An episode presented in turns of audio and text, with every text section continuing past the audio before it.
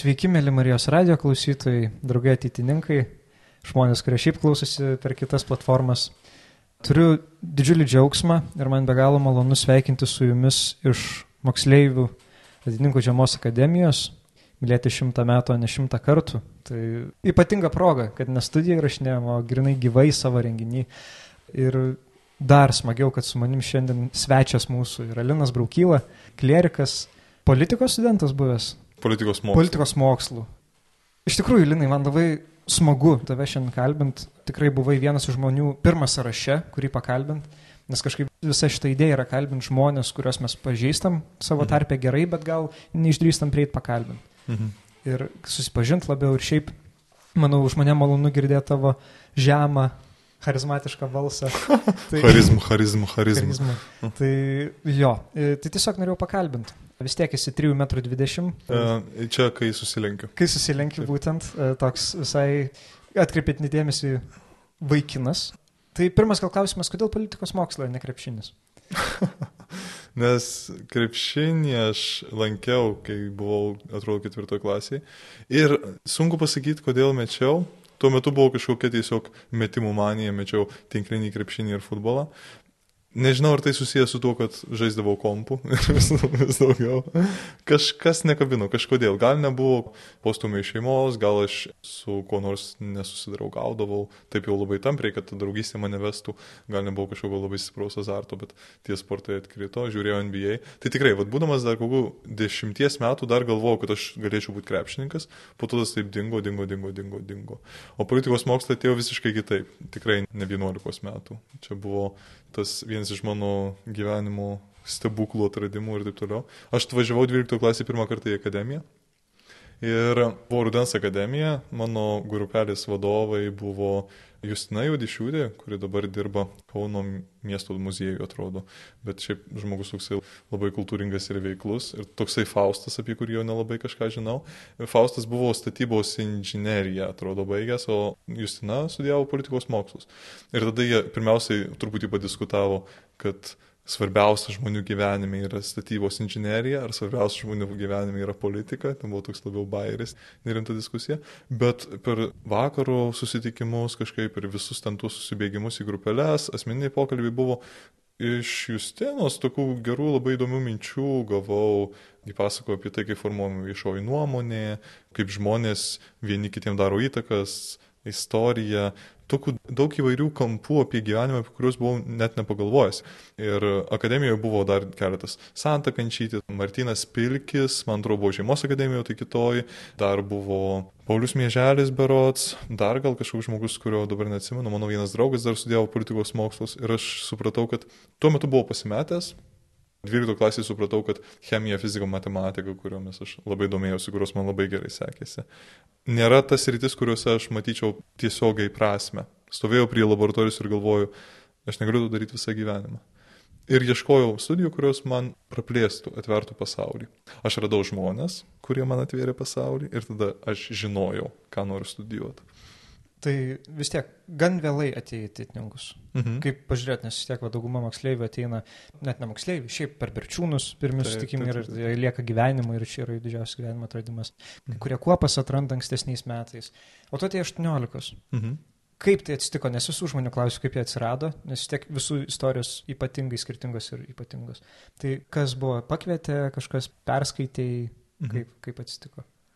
Ignalinoje kažkokia moteris labai aktyviai dirbo su ateitininkais. Turėjo gal vieną, gal net porą kopų, aš nežinau. Ir stengiasi, kad jie įstrauktų tą veiklą, man atrodo netgi stengiasi, kad jie dalyvautų akademijose, kitose didesniuose ateitininkų renginiuose. Vienas iš jų toks Richardas buvo ir jis visai, nors ir nėra iš tikinčios šeimos labai ir jam tai buvo toksai gal irgi ieškojimo kelionė, bet tuo metu užsikabino jo mama net išsigando, kad jis gali stoti į kunigų seminariją. ir tapo visai aktyvių žmogų ateitininkuose. Jis mano antros eilės pusbrolis. Facebook'e pasidalino prieš Rudens akademiją, kad štai kviečiu dalyvauti. Aš neatsimenu, man atrodo, jis pats toje akademijoje nedalyvavo.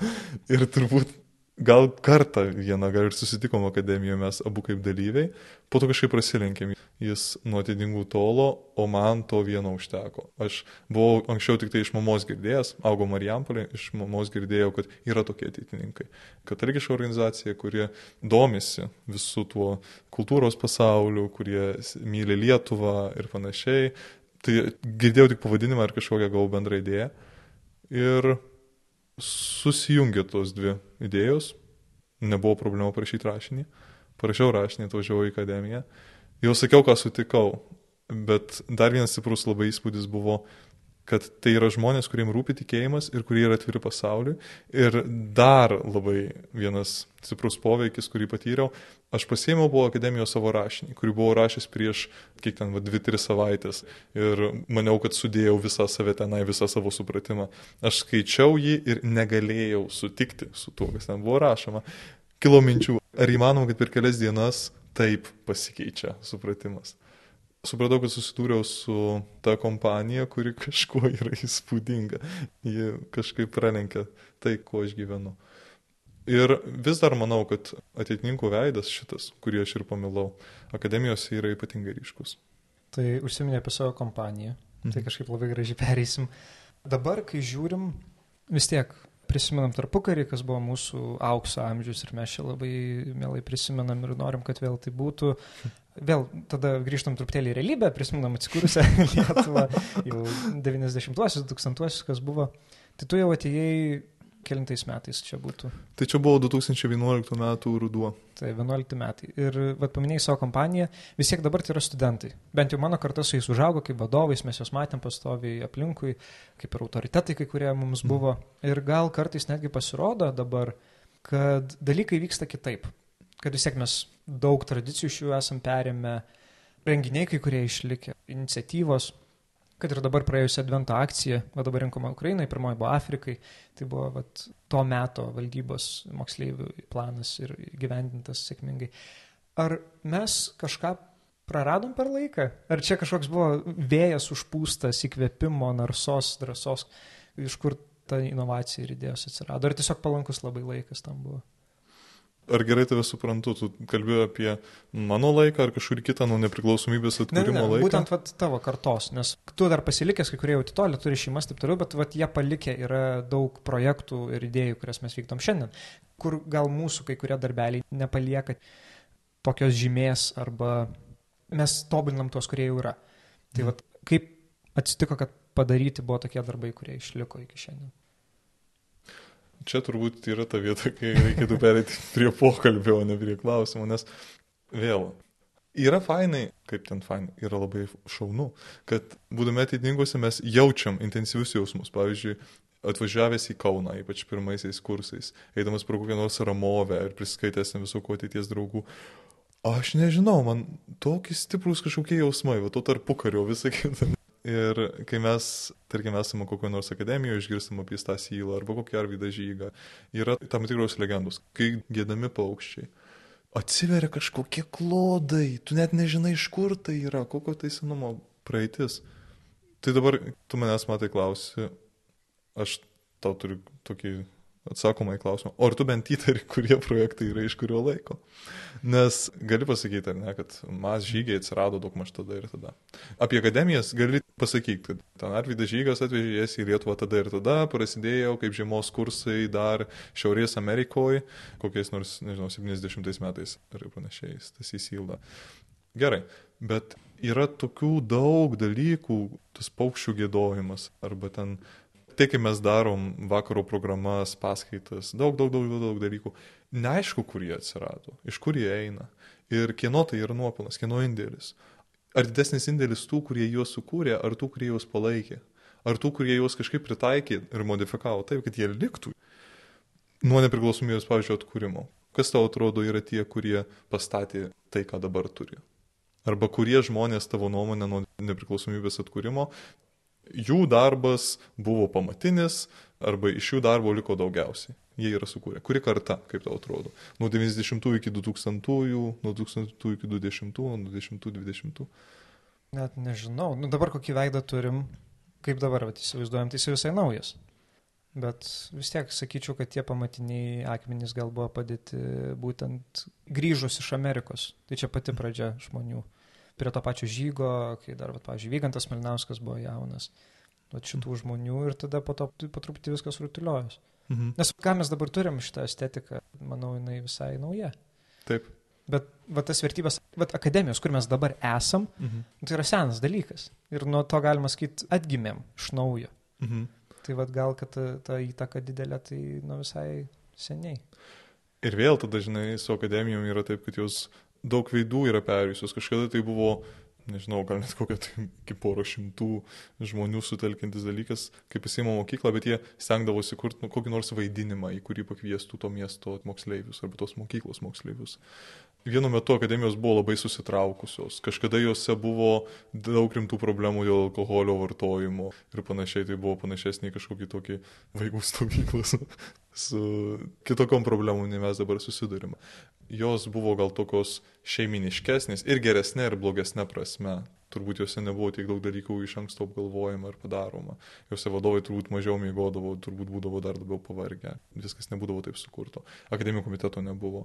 Bet kita vertus, ten buvo visa ta gale, su kuria šiaip jau visi 90-ieji varė. Ir ta ugnis, kuri kai jau užsidegė, tai atsirado žmonių, kurie tai nori tęsti, tęsti, tęsti iki dabar. Mane patys, žinok, stebina.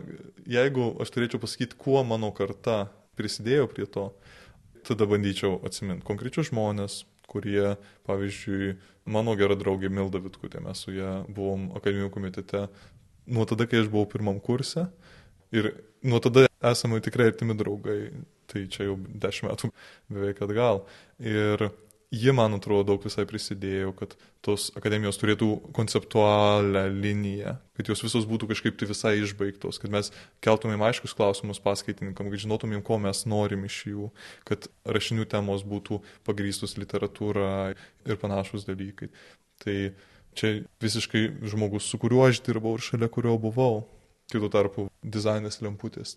Tai jau šių laikų herojai, ten kokia nors Liudvika, Guoda, dizaino kūrėja Martina Bikulčiūtė. Irgi turbūt jie už mane vyresnė, tos jau kitos kartos žmogus, bet tikrai turintis nuostabę dievo dovaną, kalbant apie grafiką. Tai iš visos tos puzlės susideda. Ir mes gal ieškom tų herojų tam, kad rastumėm į ką atsiremti, bet netai paprasta iš tikrųjų yra turint tokio dydžio organizaciją, tokią didelę šeimą. Man atrodo, kad mes galiausiai suprantam, kad tai yra bendras gėris, tai reiškia, jis suneštas. Ir didžiausia nuodėmė būtų kažkam bandyti tą dalyką priskirti konkrečiam žmogui, kažkam bandyti tai pasisavinti. Belieka tik tai nusilenkti, kad visa tai susideda. Konkrečius darbus gali atsekti, bet jie yra tik tai smulkmenos. Dabar užšoksiu į galą truputėlį kadangi esame akademijai ir buvo puikia proga paklausti moksleivių, ką jau norėtų tavęs paklausti. Tai mes turim čia tokį sąrašiuką, greitai sukurptą. Ir dabar paminėjai herojus. Ir mhm. paimsiu kaip tik vieną klausimą iš čia, mes vėliau prie jų grįšim. Ir paminėjai patį kunigą Arvidą Žygą. Mhm. Ir yra klausimas, kas tau yra kunigas Arvidas Žygas? Profesorius, be to. Nes šiaip jo asmenybė visai įdomi. Augęs Amerikoje, mhm. išeivių šeimoje, pats buvo chemikas irgi labai aukštas žmogus. Taip. Gal netgi aukštesnis už tave, nežinau, bet irgi du metrai su biškiu. Tikrai visada irgi šarmingas, visada turi ką pasakyti, visada nuo jo juokas ima. Kiek žinau, kiek iš pasakojimo, aš mm. gyvenime nematęs. Aš su juo nebūtų pamatyti tokį žmogų, apie kurį jis taip gerai kalba. Bet grįžtant prie klausimo, nes pats paminėjai, kas tau yra? Ar kažkoks šviturys, ideologijos taškas, herojus, kas tau jisai būtų? Legenda.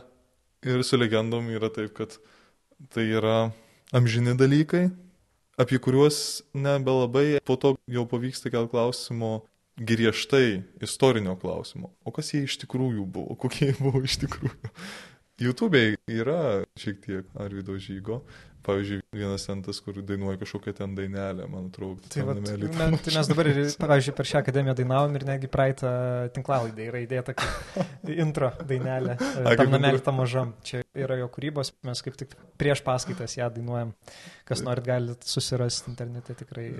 Šito atžvilgiu, man atrodo, mes esame labai panašioje situacijoje. Aš irgi gyvo, kiek atsimenu, nesu matęs. Jo dar šilti pėtsakai buvo, kai aš atėjau į ateitininkiją.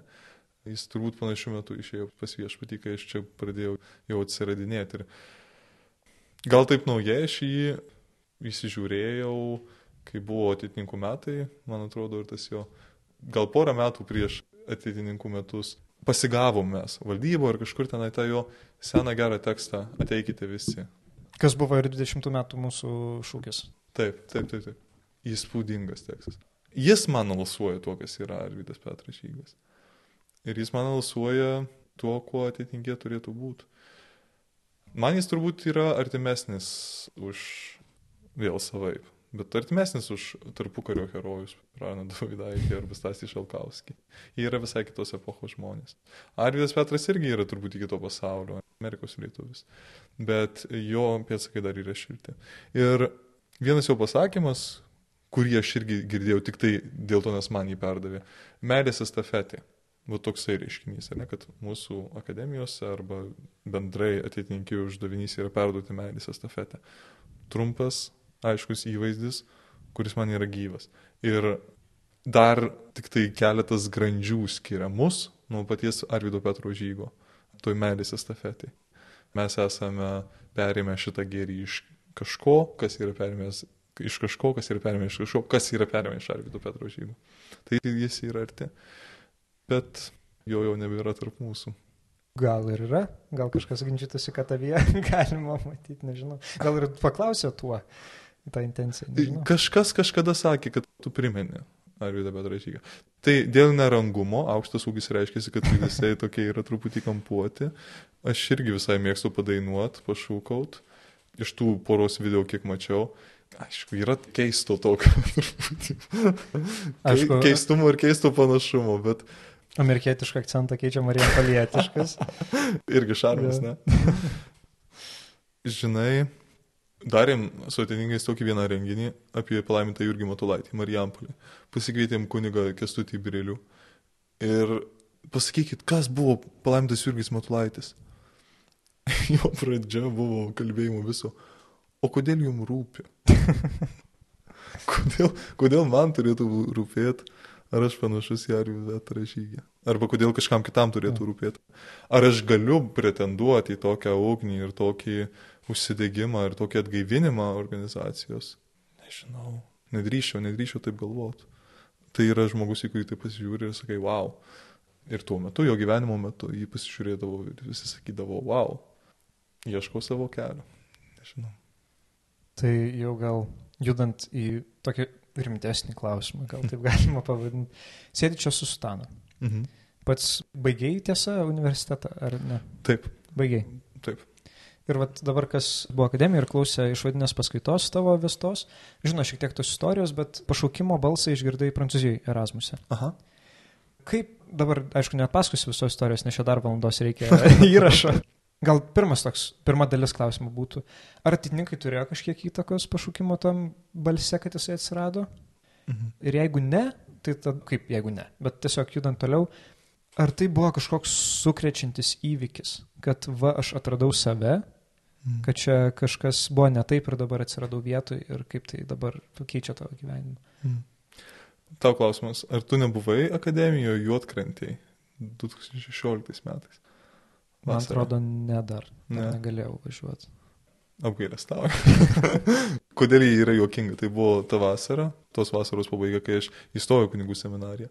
Ir akademija buvo apie šeimą, labai gražių pavadinimų. Santuoka dvitaškis. Žemėje sustiprinti, dangui pasiekti. Dar keli metai ir jį vėl galės tarnauti kaip geras pavadinimas, man atrodo.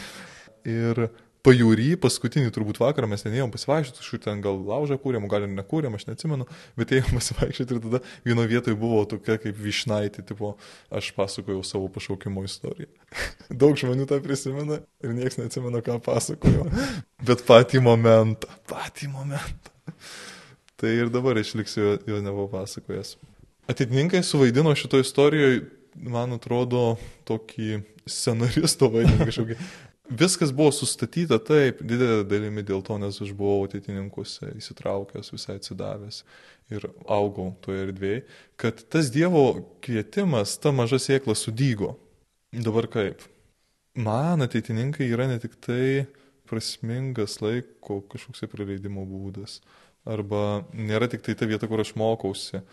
Ji kažkaip mane užkuria, ypač akademijos. Aš kartais net apsvaigstu nuo to, kiek Dievas čia atveria visiems visko. Kažką išgydo iš izolacijos, kažkam padeda rasti žmonės, kurie juos kreipia dėmesį, kažkam atskleidžia tiesą, kurios jie ieško labai protu, kažkam padeda pajausti kažką, šilumą, meilę ar, ar Dievo artumą ar panašiai. Visi tie atradimai, aš žiūriu ir, ir matau, kad gyvenimai čia keičiasi arba gyvenimai gali keistis. Ir tas mane visada svaigina. Tai tokio tam tikro poreikio ir meilės bažnyčiai šito jie man davė. Ir dabar, kai žiūriu, tai išgirdau ten tą Dievo balsą, prancūzijos sėdėdamas ant sofos, skaitydamas apie Šventą Augustiną, tada turėjau pusantrų metų baigti studijas ir svarstyti, čia tikra, netikra mano kelias, mano kelias. Vienas iš svarbiausių įvykių, vienas iš svarbiausių dalykų, kuriuos turėjau atrasti, kad jausčiausi tvirtai atsakydamas į tą pašaukimą, buvo įvardinti, kad bažnyčia yra graži, ji graži savo misiją. Ir didžiausias turbūt tas paveikslas bažnyčios, kokia yra, kokia galėtų būti, man buvo ateitininkai. Buvo ir tokių dar porą gražių vietų, ten kažkoksai Austrijoje esantis teologijos institutas, kur ten keli atitinkai yra važiavę, arba tokia vasaros stovykla Krokuvoje, trijų savaičių, kur tikrai dar kartą pamačiau tą bažnyčios grožį. Bet tuo platumu, ar ne, kad bažnyčia Dievas dovanoja prasme grožį keičia gyvenimą. Tai buvo mano beveik kasdienybė, nes buvau ateitininkuose.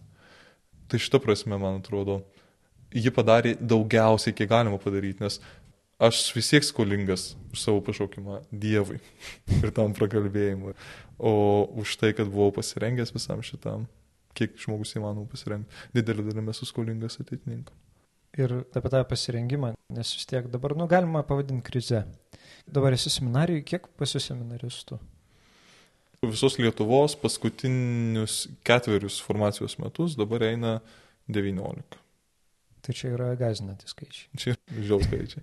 Mane dar labiau gazdina. Ir pasidalinsiu, kad ir jūs gazdintų, kad suprastumėt, nieks jau nelygina, kad miršta kunigų daugiau nei jų išventinama. Aš seminarijų būdamas supratau, kad iš kunigystės išeina daugiau kunigų, nei tampa kunigais. Ta da da da. ir tada toks paprastas klausimas. Ar įmanoma atrasti atsakymą, kodėl taip yra? Čia blogio įtaka kažkokia, nebereikia žmonėm bažnyčios, artėja pasaulio galas. Kokia tavo nuomonė? Ar gal net jūs šnekat patys seminarijoje, gal jūsų dėstytojai kažką atradę kažkokią slaptą formulę, kad va čia yra samokslas ar kažkas tokio, nežinau. Kaip įvardint, kodėl tai vyksta? Čia man tikrai reikėtų ir tavo išvalgų, nes pajaus šitą tikrovę, ar ne, kurioje mes esam aš galiu, bet galiu tai ribotai. Kartais suprantu, kad, pavyzdžiui, tarp tavęs ir manęs yra maždaug dešimties metų skirtumas. Ir mums kalbėtis pavyksta, bet kai kurios dalykus jau jaučiam kitaip. Pirma mintis gal yra ta, kad tai savotiškai neišvengiama, nes dirba, į kurią krinta Dievo žodis. Vėl galiu palyginti su savo pašaukimu. Tas kvietimas yra sėkla, kur jį auks. Ir mano gyvenime tai yra pasitikėjimas Dievu, bažnyčios patirtis, maldos patirtis ir taip toliau. Vadinasi, skaistumas taip pat. Mano žmogiškos galimybės atsiliepti į tai, ką man sako Dievas. Visuomenės požiūriu tai yra kultūra. Kiek ji yra bendrai artima krikščionybė žiniai. Ir tada, kai kultūra žiauriai, žiauriai, žiauriai, žiauriai slenkas ir yra labai labai toli pasislinkus į individualizmą, į malonumo ieškojimą ir į neapsisprendimą kai žmogus galvoja, kad jis save praranda, darydamas apsisprendimą. Ir santuoka, ir kunigystė tampa praktiškai neįmanomais dalykais. Tai paraleliai mes matom, kad ne tik tai naujų kunigų skaičius yra tragiškai žemas. Lygiai taip pat tu pats matai, kiek iš tavo artimų žmonių, pavyzdžiui, rimtai galvoja, kad jie nori kur šeimą, nori kur šeimą visam gyvenimui, nori įsipareigoti. Tai skamba beveik kaip Nešiau pasaulio šaučiai gal. Nes ne tik, kad dabar šiaip iš pažįstamų rato, kad ir labai vėlai apsiženė žmonės, bet ir kai kurie net vaikų nenori. Taip. Kad būtent mes, okei, okay, būsim vyras ir žmona, bet mums nereikia vaikų, mes norim pamatyti pasaulį, dar ką nors pasidžiaugti gyvenimu. Tai va tas ir yra. Bet bent jau apie seminariją šnekant, šiaip, kadangi pats mokinuosi ne kokioje katalikiškoje mokykloje, tiesiog nu, valstybinėje gimnazijoje, mhm. tai kas matosi, kad, aišku, Lietuvos atveju gal galima nurašyti ir ant okupacijos. Nes buvo tas homo sovietikus, visa tikėjimo naikinimas ir taip toliau, gal tam galima ir prirašyti. Bet pažiūrėjus ir visam pasauliu tas darosi. Ir skyrus, kur yra labai gili tradicija tikėjimo. Pavyzdžiui, Ispanija, Argentina, tie kraštai. Mes matom gyvuosius tos bažnyčios pavyzdžius, Jo. toks kaip super kunigas Domingo, ne? bet tu pažiūrėk statistiką. Tu prasme, tie Jo. kraštai yra visiškai čiuožiantys žemyn, kalbant apie krikščionišką visuomenę. Bet tesk. Ačiū už pataisimą. Reiškia, aš, tai mano sena informacija. Tai, bet Lietuvos atveju, šiaip mažai tikinčių, Mhm. minimumas. Aš, man atrodo, klasėje vienintelis, taip galiu pasakyti, aš tikiu. Ir gal kultūrai yra tas, kad vis viena turim ir savo komikus, ir savo idealus kažkokius, ir internete, ir medijoje. Aišku, numeris vienas e, bairis visada yra, kad visi kunigai liečia mažus berniukus. Mhm.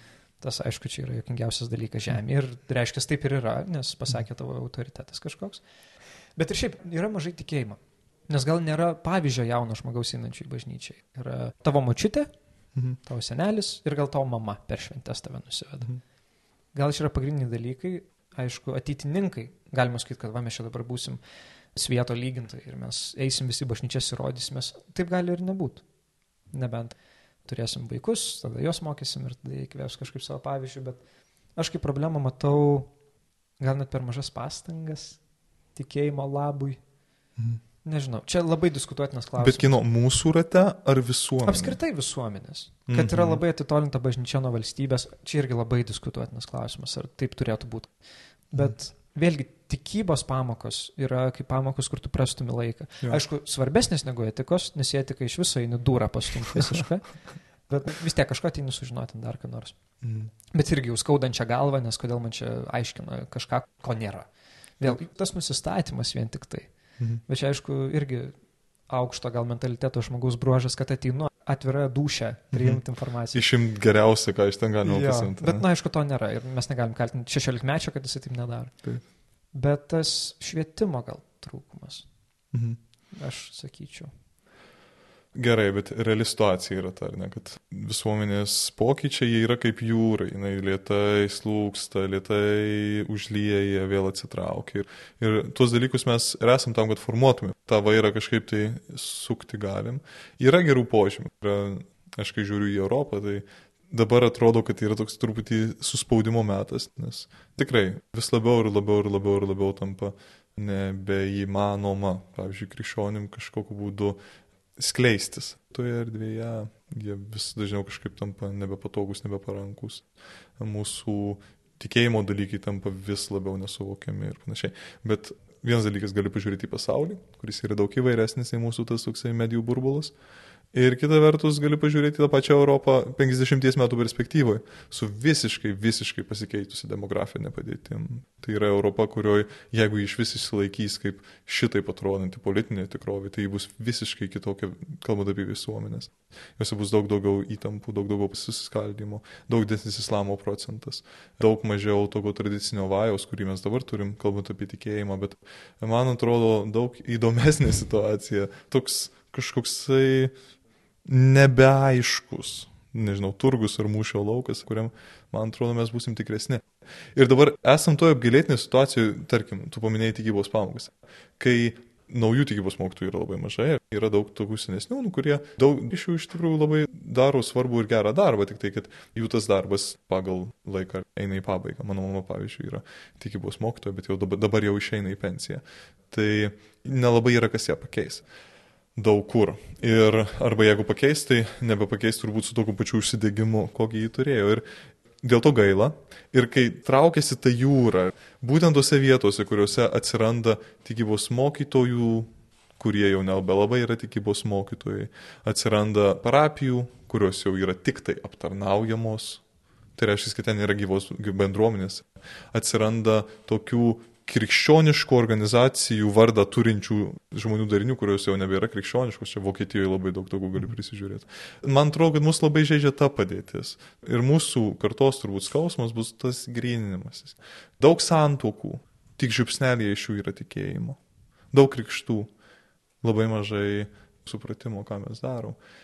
Nemanau, kad tą dalyką labai greitai galima apsukti didžiausias jėgas įdėję, protingiausiai paskirstę jas, ką mes galim daryti, tai kažką panašaus į šitą akademiją, ar ne? Tai yra ta vieta, kurioje tu prisilietęs, tu jau jauti, iš kokio šaltinio tai eina. Tu jau jauti, dėl kokios tai yra minties.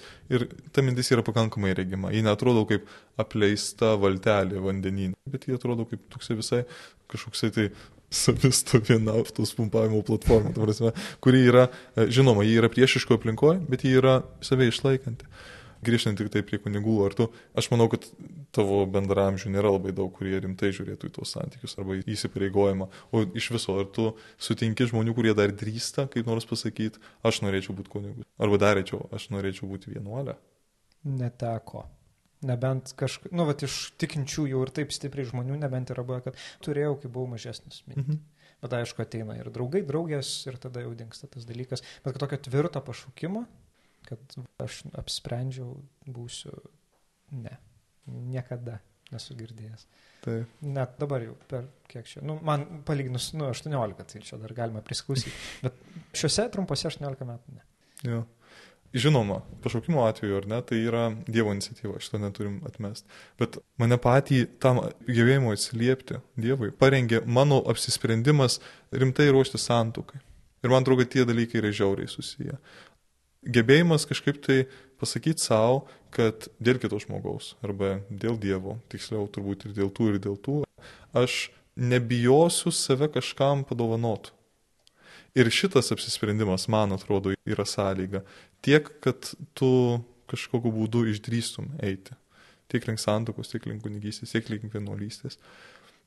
Vienas iš turbūt tokių temų, kurioje aš jaučiuosi gal visai turintis, ką pasakyti, arba turintis žinę, yra būtent tas savęs dovanojimas. Ne tai, kad aš esu savęs dovanojimo, būsiu nors ekspertas, ar, guru. ar jau žinau, guru, tai taip, taip, galiu dabar visiems pasakyti, kaip tą daryti, bet tiesiog esu to pagautas ir mane nuo 16 metų maždaug vežė tą idėją, ir ne, kad žmonės myli vienas kitą ir į tą meilę būtina, būtina įsileisti dievišką šviesą.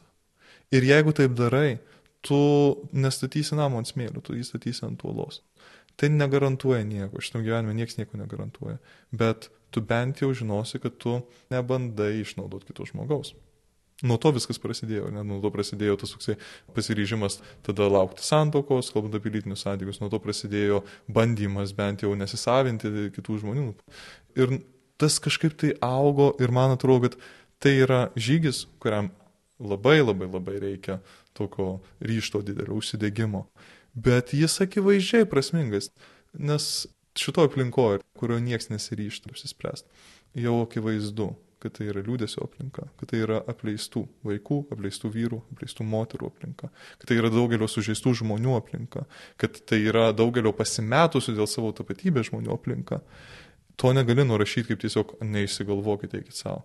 Bet visą tai iš tikrųjų skleidžiasi, man atrodo, iš tos pačios šaknies, to tokio egoistiškumo ir baimės kad dovanodamas save aš save prarasiu. Tai vat, ir paminėjai tą individualizmą, mhm.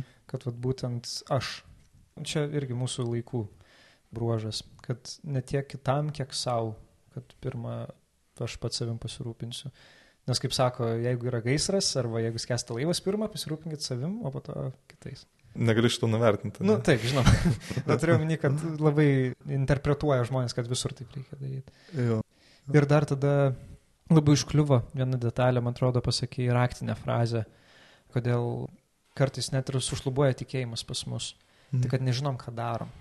Mhm. Nes, at, pavyzdžiui, yra buvę ir atvejai ir iš mano pažįstamų, kad kalbam kokią nors temą ir kažką pasakai ir pala, taip, taip reikia tikėti, man mhm. tas nepriimtina. Aha. Aš nežinojau, kad mes taip turim daryti ar kažką tokio. Tai kad reiktų prie to švietimo grįžti, kad mes gal net nežinom, į ką tikim kartais. Gal tas tikėjimas yra silpnas, nes tu neturi ką atsiremti, nes tu nežinai, į ką tu tiki. Man nepatinka šiaip žodis švietimas. Mhm. Tarp kitko, čia ir buvo tema pirmojo rašinio, su kuriuo aš važiavau. Švietimas versus ugdymas, ar ne?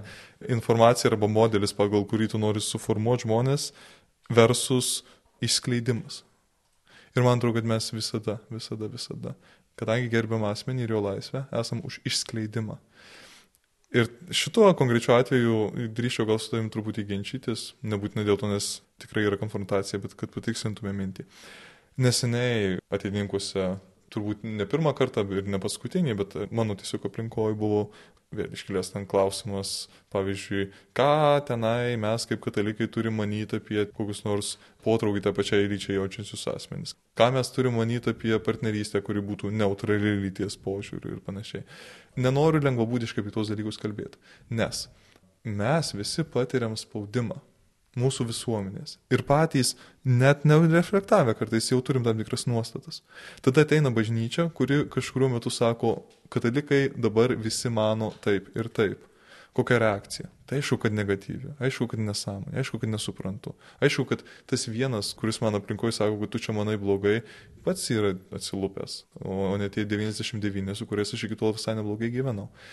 Ir mes, kaip ateitininkai esam pakeliui, ypač kalbant apie moksleivius. Ta prasme, kad mes visi suprantam, kad iš savo aplinkos esam belenkiek prisivalgę. Daugelis esam iš suirusių šeimų. Daugelis, absoliučiai beveik visi gyvenam tikėjimų priešiškoje aplinkoje. Net jeigu ne e, aktyviai agresyvioji, tai toj, kurioje užkoduotos tikėjimų priešiškos tiesos. Ir to nereflektuom. Jeigu bandytumėm tą reflektuoti, tai pavargtumėm tiesiog, nes visko tos nepriepsi. Ir tada įmu svarsyti apie tą. Mes negalim šito vietu nematyti viso tikėjimo turinio arba tikėjimo šviesos. Bet kai dalinamės, kai ugdome vieni kitus, čia man atrodo labai reikia didelio jautrumo. Juk tu turbūt galėtum įvardinti vieną, kitą, trečią žmogų jau savo kartos, kurie atitolo nuo atitininkų, nes jiems kažkas čia buvo nepriimtina. Ir nepriimtina būtent ta prasme, ne, kad jie nebeina koja kojon su šiuo laikiniu pasauliu.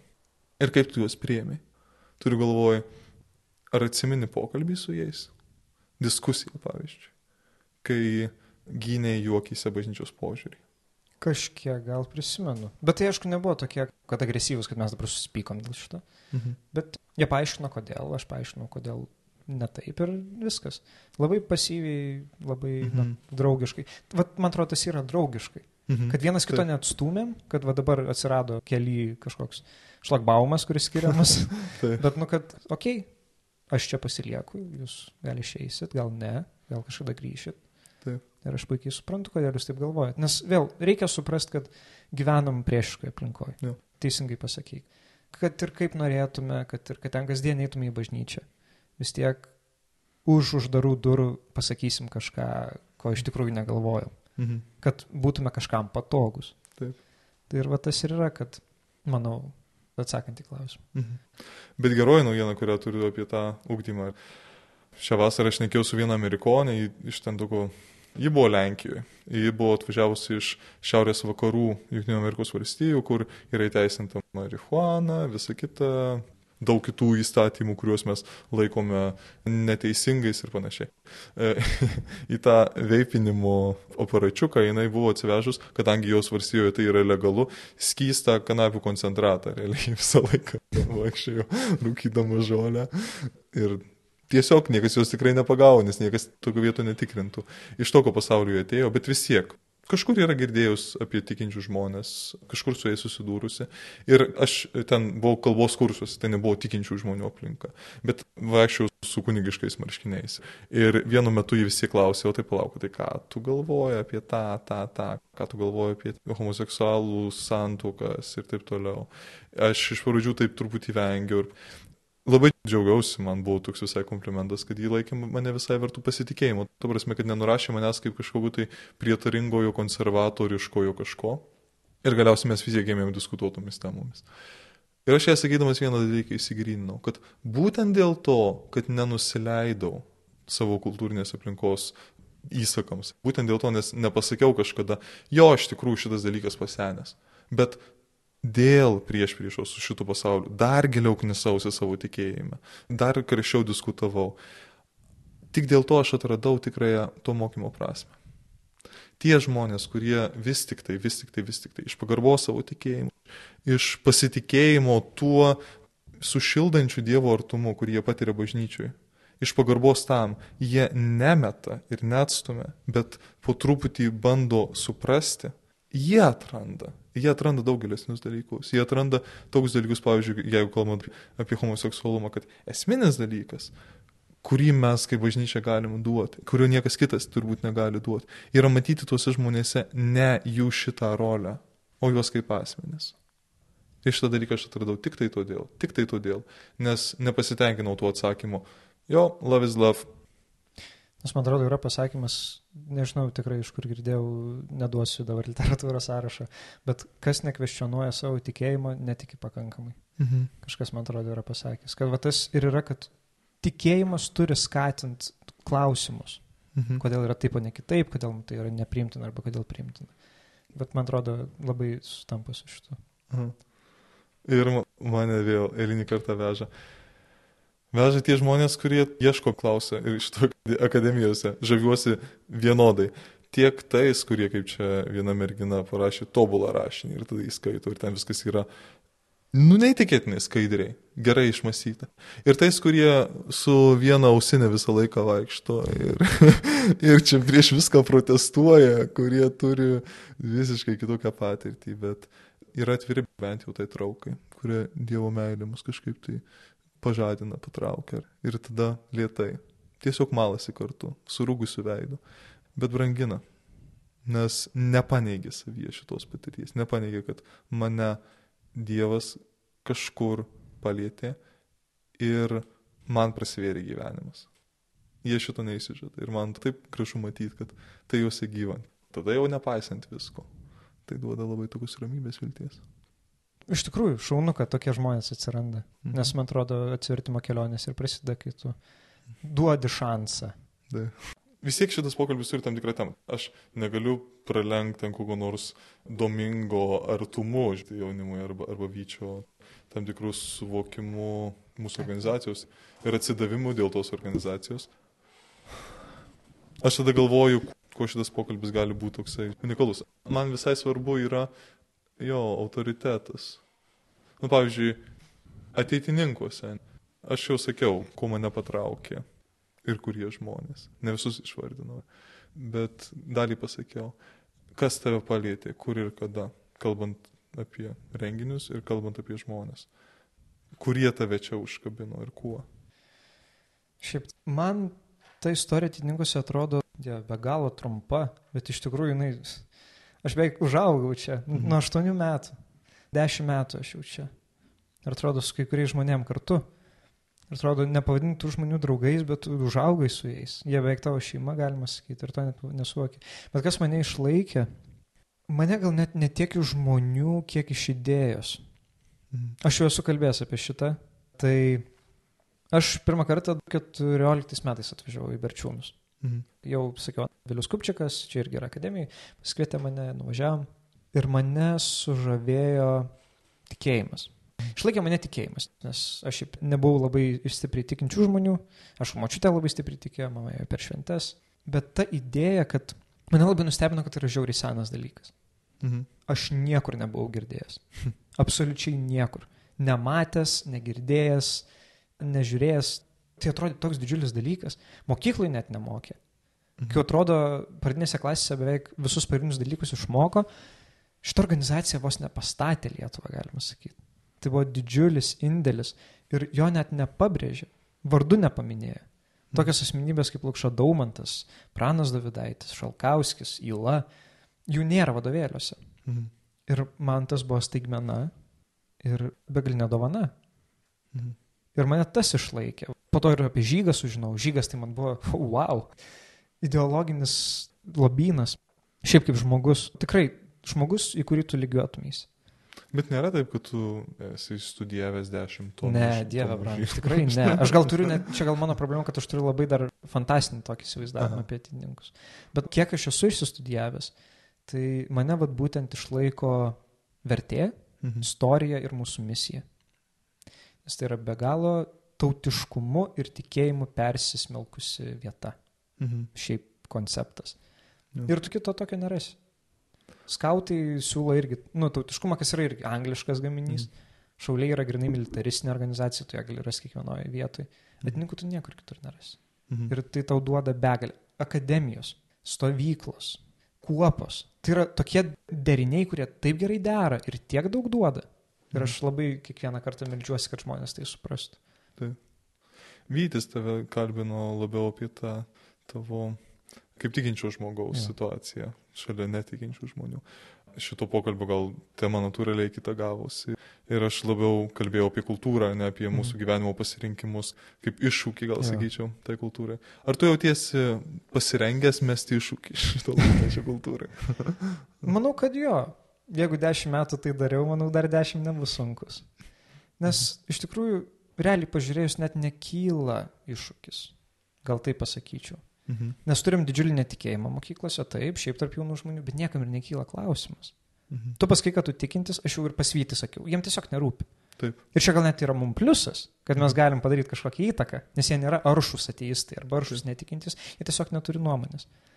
Bet Tai- jiems, pavyzdžiui, labai kliūva ten koks nors, jeigu tu sakysi, kad iš tikrųjų lytiniai santykiai, pavyzdžiui, yra skirti vyrui ir žmonai. Taip. Nu, irgi, kadangi mokaus gimnazijoje, kur yra truputėlį vėl tas senas nustatymas prieš Mhm. tos pačios lyties poras, tai irgi nekyla problema. Bet yra problema su, pavyzdžiui, iki vedybiniu. Jo, tai aš santykiu. pirmiausia Jo, šitą ir turiu šitą. Taip. Bet irgi tai yra diskusinis klausimas. Labai. Mhm. Ir manau, jeigu tu pakankamai ties to dirbtum, tu juos galėtum perkalbėti. Mhm. Nes tai vėl kyla iš pavyzdžių. Tai nėra kažkoks instinktas iš vidaus, kad man, man dabar 14, man patinka žmogus ir aš turiu su juo permėgoti. Tai yra grinai kažkur matyta, kažkur girdėta, kad mano kieme tai kažkas daro. Mhm. Ir tai yra tiesiog aplinkos reikalas. Taip. Tai va tas ir yra, kad man atrodo, ta kova nėra tokia sunki, jeigu tu ją išsistudijuoji. Mhm. Čia vėl savo priešą turi pažinoti. Vėlgi, jie nėra mūsų priešai. Čia labai stipriai nuskambėjo. Uh, bet jo, jau pradedu sukti iš naujo. Man atrodo, kad te- teisingai linkme eina viskas gerai. Tik tai tada dar tas gal paskutinis klausimas, kurį norėjau pasiekti. Kad ne, ne, ne klausimas. Tiesiog reaguodamas į tai, ką tu sakai, dar prisiminiau. Kalbėjau čia su vienu klieriku, jis yra iš tokios, galėčiau sakyti, didelio greičio šeimos. Jo tėvai yra labai tikintys, jis turi visai nemažai brolių ir sesė. Ir tie vaikai visokiais keliais ėję, tipo katalikiška šeima, bet jie visi yra labai įvairūs. Ir jo aplinkoji norma yra ne nedaryti klaidų, bet jo aplinkoji norma yra tose klaidose atrast, palauk, bet iš tikrųjų tai yra taip, yra taip, yra taip. Ir aš juo taip kažkaip bendraudamas irgi pasimatuoju. Aš ir gal net mūsų labiau aplinkos žmonės, dalis iš jų, dalis iš mūsų iš tikrųjų turi tą tokį pakankamai stiprų užtaisą, kad mestų iššūkį nežinau, nuo jaunumės ir nebandytų tą artvagą, sakytumėm, grinai ateitininkišką, katalikišką ir nieko nesitaikyti prie tos aplinkos. Kitiems tas nepavyksta. Ir tame yra ir grožio, kad mes kaip bažnyčia tampam daug jautresnim žmonėm tokiuose netobulose situacijose. Ir tame yra tam tikro vis tik tai liūdnumo, kad dažnai per vėlai, per daug kažkaip tai nuolaidžiai siekiam gerų dalykų, kuriuos atpažįstam kaip gerus dalykus. Nežinau, ką tu pats manai, arba, arba kaip mastai apie tą, ar mes turėtumėm būti ateitininkus, ateitininkų aplinkoj, griežti vieni kitiem, kalbant apie pataikavimą pasauliu. Nu vėlgi, tas griežtumas visada atgraso. Nesvarbu, kad ir ką tu sakysi, bet jeigu tu tai sakysi piktai, nu žmogui nepatiks. Manau, kad apie tą reikia kalbėti ir apie tai yra per mažai kalbama. Bet kad teist kažką ne mūsų vieta, kaip ir pats viešpats sako. Mhm. Bet jo, aš pripažįstu, pilnai reikia kalbėti. Ir Laurinas Buda irgi, kadangi jisai labai su jaunimu dirbo, jisai va, Mhm. vėlgi galima pavadinti mūsų kartos kaip ir autoritetų Taip, kai taip. kuriems. Jis sakė, kad per mažai kalbama. Ir manau, visi su juo sutiktų. Mhm. Per mažai aiškinama, sakoma, kaip turėtų būti, Mhm. kaip yra nuklotas tas kelias. Dalinamasi gal tiesos. Dalinamasi. Jo, jo. Kažkaip. Tik šita, man atrodo, tik tam pokalbiu, tarkim, kai du jauni žmonės kalbasi apie įsimylėjimą, man atrodo, ta geroji seniena, tai kas yra prekšta Evangelijoje, bažnyčioje, kad tikėsime užrašyta, vėl gali tapti gerąją naujieną. Kaip pavyzdžiui, tas pats skaistumas, jis iš tikrųjų gali tapti gerąją naujieną mūsų pasaulyje. Net negirdėtas, visiškai kosminis dalykas, wow. Jis jau vėl stebina. Ir jie atradus, kažkaip pačiam apčiupinėjus, radus, kuo jis yra vis tik tai unikalus, jis skamba visai gaiviai. Apie jį visai įdomu yra dalintis. Ir jis tikrai žmonėm nušviečia kažką. Čia yra mūsų lobis. Bet įdomu, bažnyčia neturėjus anksčiau istorijų tokių krizių. Oi, geras klausimas. Mano, žinok, nesenas atradimas yra būtent Šventas Augustinas, apie kurį skaitydamas aš ten tą Dievo smūgį prasileidau. Ir jo aplinkoje buvo kokia situacija. Daugybė nauja krikštų, nes krikščionybė tavo kaip ir valstybinė religija ir buvo cool tarp krikščionių, bet ką jie darydavo? Jis pats turėjo sugyventinę, kuri gal labiau yra sugulovė, ir tada turėjo sūnų su tą moterim, nors jos nebuvo vedęs. Ir absoliuti daugybė krikščionių tų, kurie save vadino krikščionimis. Jie turėdavo sugyventinę sugulovės, net nekendindami jų vesti, nes sandoką jie laikė labiau tokiu kaip teisinių įsipareigojimų, šeimų, sandėrių, brandaus žmogaus gyvenimo. Ir visi bažnyčioje turėjo su tuo taiksytis. Ne tai, kad jie paskelbė, kad, ai, iš tikrųjų, tai čia, jo, mes per daug reikalavom, realiai jūs darykit, kaip jums išeina. Ne, ir bet... patys kunigai turėjo tokias damas. Čia, čia ja, kaip rūšies požiūrį, čia, ja. jau, čia jau kita problema. Ne? Bet aš ką norėjau pasakyti, ta problema, kurią mes šiandien išgyvenam, kad absoliuti dauguma žmonių savo gyvenimą pirmiausiai kūrė pagal poreikį. Man reikia mylimčio ir mylimo žmogaus. Pirmiausiai šitaip. Ne ką aš dovanosiu kitam arba kaip jį priimsiu besąlygiškai, bet man reikia mylimo ir mylinčio žmogaus. Absoliuti dauguma tokių yra. Ir bažnyčia šį čia bent vieną kartą tikrai buvo. Ir aš būtent tą džiaugiausi radęs. Ir supratau, ai, tai čia netoks ir senas reikalas. Jie jau tada sėdėdavo ant kėdės ir galvodavo, viešpatie, kaip sutaikyti tai, ką tu sakei apie tai, kad sanduka yra amžina ir kad teisingas santykis ir vyro ir moteris yra pirmia, save dovanojant per santuką ir save dovanojant kiekvienoje santukos dienoje ir taip bendrauti kaip vyru ir moteriai, o ne kaip nors kitaip. Kaip sutaikyti taip su tuo, kam mes gyvenam. Ir jie tikrai negalėjo sakyti visiems, dabar jūs visi einat į pragarą, aš einu į dangų, o ką iki tol veiksim, nežinau. Jie jų ieškojo, jie ieškojo tų kitų žmonių, kiekvieno iš to žmogaus. Ir tas jų ieškojimas antikos pabaigoje, pasileidusios antikos pabaigoje, sukūrė tą naują kultūrą, kuri buvo visiškai nauja epocha, kad tai, kas yra viduramžiai, su jų to tokiu, sakytumėm, sunki, sunkiom užuomasgom ir su jų viršūnėm ir, ir, ir panašiai. Tai kadangi istorija eina ratais, Tikėkime, kad. Bet mums neduoti ratai. Mes turim susitaikyti mūsų gyvenimo horizonte. Mes gyvensim tokioje aplinkoje. Mes gyvensim mažesnėse, jaukesnėse, tikresnėse, daugiau vėjų patiriančiose bendruomenėse, kuriuose yra viešpats su mumis. Viltinga mintis. Mm. Taip. Tai vėl primenu, esame akademijai ir kadangi buvo proga paklausti moksleivių, ką jau noriu tavęs paklausti, turim tokį sąrašiuką ir mes dabar prie jo pereisim, nes manau tikrai ir, ir patiems moksleiviams bus smagu išgirsti po viso šito ir dabar laisvesnė nuomonė tavo. Mhm. Tai būtų pirmas klausimas, kaip moterys? Jos puikiai. Aš supratau, kad visą gyvenimą turėsiu kažkaip tai kovoti su tuo noru pasiglemšt naudotis. Tai reiškia, kad misti jų dėmesiu, ieškoti pripažinimo savo tuose santykiuose. Čia bus mano amžino kova. Supratau, kad man būtina draugystė ir būtinas atvirumas su man brangiais ir artimais žmonėmis, kad pavyzdžiui įsimylėjimo atveju, nes man seminarijoje jau buvo kažkas panašaus įvykę, kad likčiau ištikimas. Tai būtina.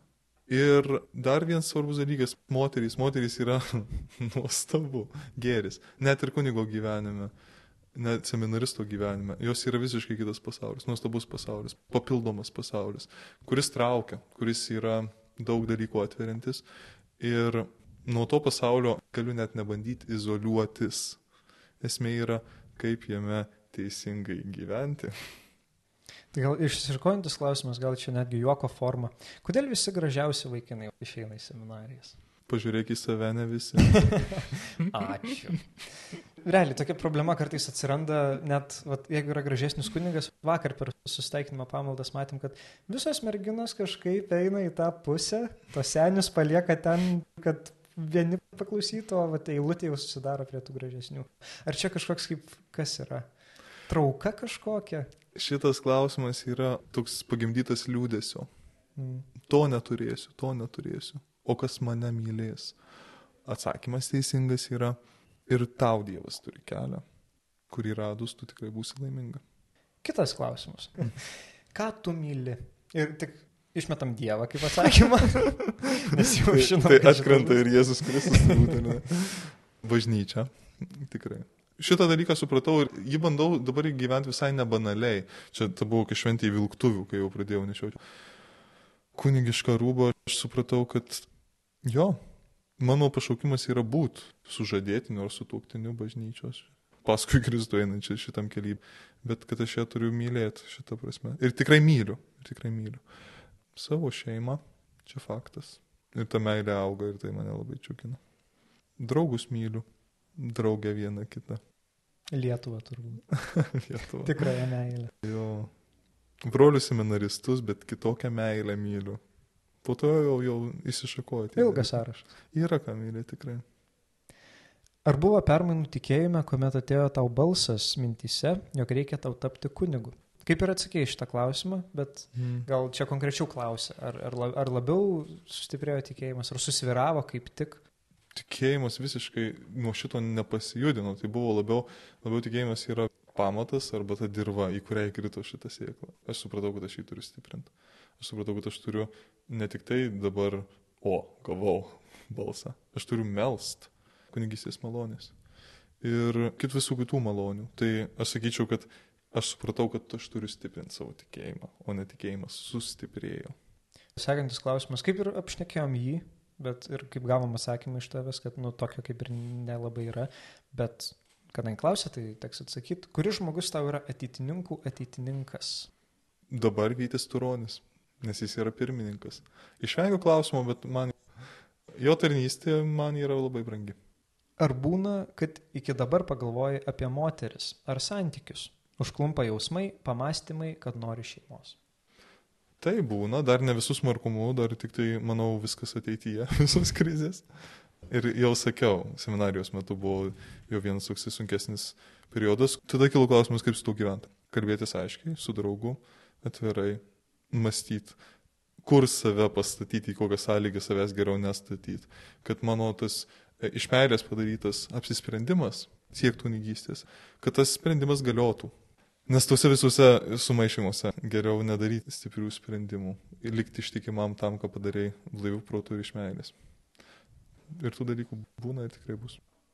Tai manau, belieka tik tai labai padėkot Linai, kad sutikai ir taip užimtojo akademijai skirt pogulio laiką. Su mumis pašnekėti ir skirt laiką klausytojams. Taip pat norėčiau padėkoti draugams teitininkams, kad klausot, kad dėl jūsų darom šitą dalyką. Norėčiau paraginti remti mus Contribui platformoje, nes kaip visada sakau, tik sodinami gilės užauginsi mažalus. Ir Linai gal norėtum kažką ir pasakyti moksleiviams, gal ne tik, kurie tavęs klauso, palinkėjimą kokį ar gražią mintį. Aš linkiu turėti, mes kalbėjome akademijoje apie erosą, tai reiškia trauka gėriui grožių tiesai, kurios užtektų daryti kietus sprendimus, daryti rimtus pasiryžimus, daryti priesaikas, jas vykdyti. Ir e, mesti iššūkį pasauliui, jeigu to reikia. Ačiū labai Linai, ačiū, kurie klausėt. Sudė. Sudė.